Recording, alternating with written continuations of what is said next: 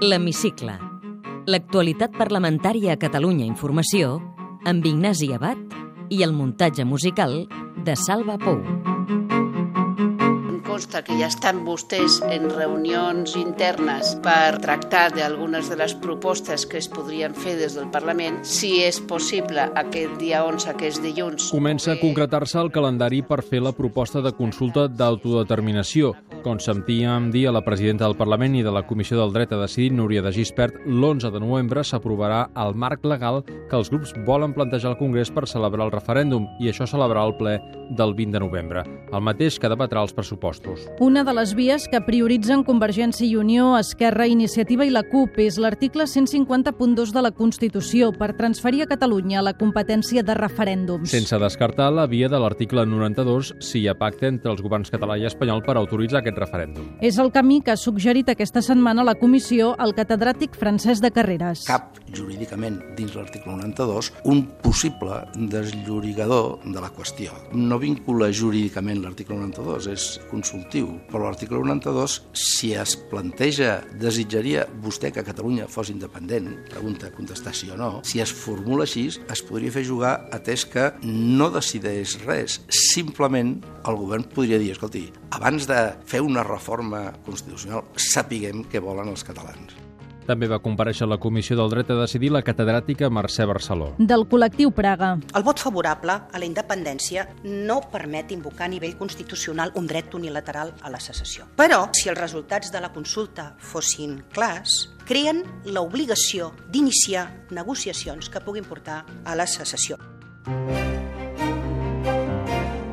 Només per fracturar un sol pou, una sola operació de fracking pot arribar a consumir 15.000 metres cúbics d'aigua. Les compareixences d'experts i afectats a la Comissió d'Estudi del Fracking es van fer totes dimarts d'aquesta setmana. Vist que el govern ha tancat la porta per emetre més prospeccions per extraure hidrocarburs mitjançant aquesta tècnica, Convergència i Unió va qüestionar el sentit de mantenir la comissió. El republicà Marc Sangles i el convergent Antoni Fernández Teixidor es van enganxar per això. Malgrat el senyor Fernández Teixidor s'entesti dir en aquests moments que no hi ha matèria, hi ha hagut nervis en el territori per la manca d'informació per part del govern de la Generalitat i la voluntat d'atorgar uns permisos. Per tant, no ens diguin ara que no hi ha matèria. Agraïm el canvi de Convergència i Unió respecte a aquesta matèria, però el posicionament inicial no era aquest, senyor Fernández Teixidor, i vostè ho sap. Vostè creu, senyor Sangles, que estaria justificat mantenir la comissió oberta perquè ara hem de parlar de la hipotètica mesura del fracking en l'àmbit de la geotèrmia? El país té altres urgències i té altres prioritats, senyor Sangles. El circ amb animals té els dies comptats a Catalunya. Cinc dels set grups del Parlament impulsen una reforma legislativa que prohibirà l'ús de qualsevol animal en aquest tipus d'espectacles. Van presentar la iniciativa conjuntament diputats de Convergència i Unió, Esquerra, el PSC, Iniciativa i la CUP. Són Josep Rull, Oriol Amorós, Jordi Terrades Hortènsia Grau, i Quim Arrufat. Es poden fer circs de la mateixa manera que entretinguin grans i petits sense necessitat d'haver d'utilitzar aquests animals. Quins tipus de maltracte reben els animals en els circs? La manca de llibertat amb unes condicions que no són les que tenen els nuclis zoològics, amb una itinerància que també genera doncs, una captivitat molt pitjor, amb entrenaments que forcen aquests canvis de les conductes Era un anacronisme, de fet 99 ajuntaments no permetren espectacles de circ amb animals i el que fa el Parlament és eh, acompanyar també aquesta posició. Aquest és un pas més i que tant de bo obri la porta per a resoldre altres qüestions pendents pel que fa a la protecció dels animals. El maltractament dels animals a- al circ té molt de simbòlic i hi ha, quan s'aprova aquí al Parlament, poc d'existent en la nostra societat. La llei no es debatrà al ple fins l'any que ve. I no s'aprovarà fins a la primavera. A la Comissió d'Investigació sobre les Caixes, Arcadi Calzada va negar dilluns haver-se enriquit o afavorit la seva família durant els anys que va presidir Caixa Girona del 1996 al 2009. Sobre la compra d'obres d'art de l'entitat a la seva galeria per fer obsequis, Calzada va recordar que la justícia ja va arxivar una denúncia sobre això. Un dels moments més tensos de la compareixença va ser quan el diputat del PP, José Antonio Coto, el va interpel·lar sobre el límit entre l'ètica i la legalitat. Si a mi m'hagués advertit els serveis jurídics que això podia suposar que no ho ha sigut cap irregularitat. No ho hagués fet. Quina necessitat en tenia? Vostè creu que jo, a la meva trajectòria personal, política i de tot ordre, la posaria en qüestió per, per això? El senyor Fèlix Millet potser podia fer el mateix argument, no? Escolta, jo vaig ser creu de Sant Jordi, president No, de l'Orfeo no Català, li puc acceptar aquestes em, consideracions. Estic en contra del que està dient. No em compari ni de lluny amb el senyor Millet, ho sento. També s'hi va referir Manel Serra, que va rellevar calçada a la presidència de l'entitat gironina. Es parlava dels obsequis i així. Per mi el que és preocupant és que una qüestió que sembla que no era massa ortodoxa la sabia tothom. Tant Calzada com Serra van defensar que l'absorció de Caixa Girona per part de la Caixa va ser la millor opció i van retreure als organismes reguladors que no fessin més del que van fer per evitar la crisi del sistema. El conseller Ferran Mascarell ha informat a la Comissió de Cultura sobre la delicada situació del Liceu. Dijous es va comprometre a reemplaçar abans de març o abril el director artístic i el director del cor que abandonen el Gran Teatre Líric. En el primer trimestre, quatrimestre de l'any que ve, director artístic primer i director de cor després quedaran eh, resolts. No? L'oposició va carregar durament contra el conseller. Sentim Jordi Canyes, de Ciutadans, el socialista Joan Ignasi Helena i Dolors Camats d'Iniciativa. Ustedes en vez de atraer talento lo centrifugan. ¿De dónde se les va? No se les va a teatros menores, ¿eh? Se les va a París, a Teatro Real. Por algo será. Teatro Real no es que esté exento de los recortes, ¿eh? Li ha marxat el director artístic al Real, ha marxat el director del cor a París. Hi ha una certa responsabilitat d'aquesta diàspora per part de vostès, per una manca de projecte. Alguna cosa més deu haver passat en el Gran Teatre perquè estiguem parlant d'aquest desgavell que no s'ha produït en altres equipaments. Com deia el crític Jaume Radicales, probablement és un transatlàntic que està capitanejat per grumets i aleshores passa el que passa. I aquesta és la rèplica del conseller. No hi ha ningú més al món per dirigir el Liceu? Què vol dir? Mm, doncs trobarem un bon director o una bona directora, que el Liceu té el 100% de la temporada 2013-2014 fet, té el 85% de la temporada 2014-2015 fet, i té el 75% de la temporada 2015-2016 fet. I el senyor director general i el proper director artístic no canviaran això. Això està fet, està aprovat. Per tant, el Liceu no té un problema de projecte, no el té.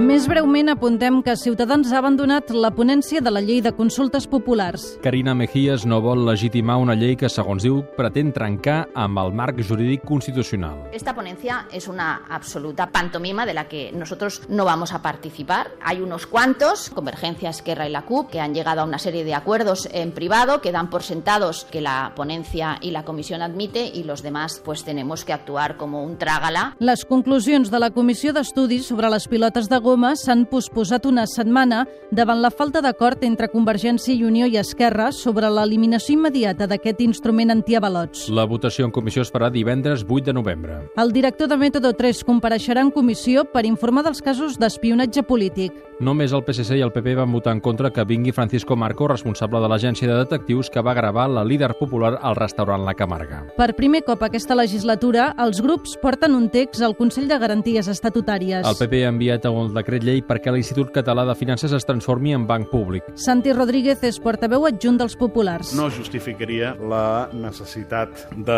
la urgència d'aquest decret llei, per tant podria ser tramitat com un projecte de llei ordinari. Hi ha altres qüestions que ens motiven a demanar aquest dictamen. El fet de que es pugui considerar la constitució d'una banca pública catalana com a una estructura d'estat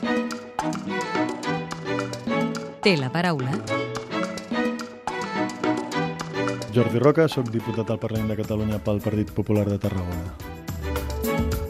en una frase. Senyor Jordi Roca, completi la frase. El 2014 serà l'any de... Una nova negociació autonòmica, de finançament autonòmic. Com es resol políticament el clam per la independència? És una resposta que li correspon a aquells que han promès. Estem ja vivint l'anomenat xoc de trens? No, no ha passat res. Quan acabarà la crisi? De mica en mica està començant a acabar. I les retallades? Quan pugin els- l'activitat econòmica i els pressupostos públics, Cal ensenyar més castellà i anglès a l'escola? els meus fills els hi parlo en anglès, perquè si no a l'escola no aprendrien perquè el sistema educatiu que tenim no és bo. Has estat mai a la cua de l'atur? No. Si es queda sense feina, quina és la primera porta que truca? Afortunadament parlo anglès i se'm dona bé la informàtica, amb la qual cosa, si no fos en aquest país, podria anar a qualsevol país on facin falta serveis. Ha cobrat o pagat mai en negre? Passa palabra. Posaria la mà al foc que al seu partit mai ningú ha comès cap irregularitat? Això ho han de dictaminar els jutjats. De què ha treballat abans de fer de diputat? De cambrer, de professor d'anglès i d'informàtica, de programador, cap d'informàtica en una empresa i després em vaig establir pel meu compte, vaig constituir una empresa. Quins estudis té? Cou, i vaig començar informàtica, però no se'm donava gaire bé estudiar. A quins pobles o ciutats ha viscut al llarg de la seva vida? Tarragona, Espanya, Puerto Ordaz i Caracas a Venezuela i Barcelona, Vallmoll i Alcallà. Un viatge pendent. Nova York, Japó, la Índia... Creu en el destí? No crec en el determinisme. I en l'amor a primera vista? Porto 20 anys amb la meva dona. Amb quin sex símbol li agradaria compartir una estona? Amb la meva dona. Quina és la pel·lícula de la seva vida? No tinc cap pel·lícula així especial. Darrerament em va agradar molt l'impossible. Un quadre que l'apassiona. La Joconda. Quina novel·la s'ha llegit aquest estiu? La pell freda, d'Albert Sánchez Pinyol. Una cançó que no es treu del cap. Tinc fam de tu, d'Àlex Ambusto. Quin plat cuina més bé? Arròs tarragoní. Quants diners porta a la cartera habitualment? Sóc el típic que mai té suelto. Els llocs on no agafen targeta de crèdit mm, em van molt malament. Una mania confessable tocar-me l'anell de casat. Quan acaba un ple del Parlament, com desconnecta quan torna cap a casa? Quan et dediques a la política mai desconnectes del tot, sobretot quan t'agrada i quan és la teva passió i estàs llegint, canvies de tema. Senyor Jordi Roca, moltes gràcies. A vostès.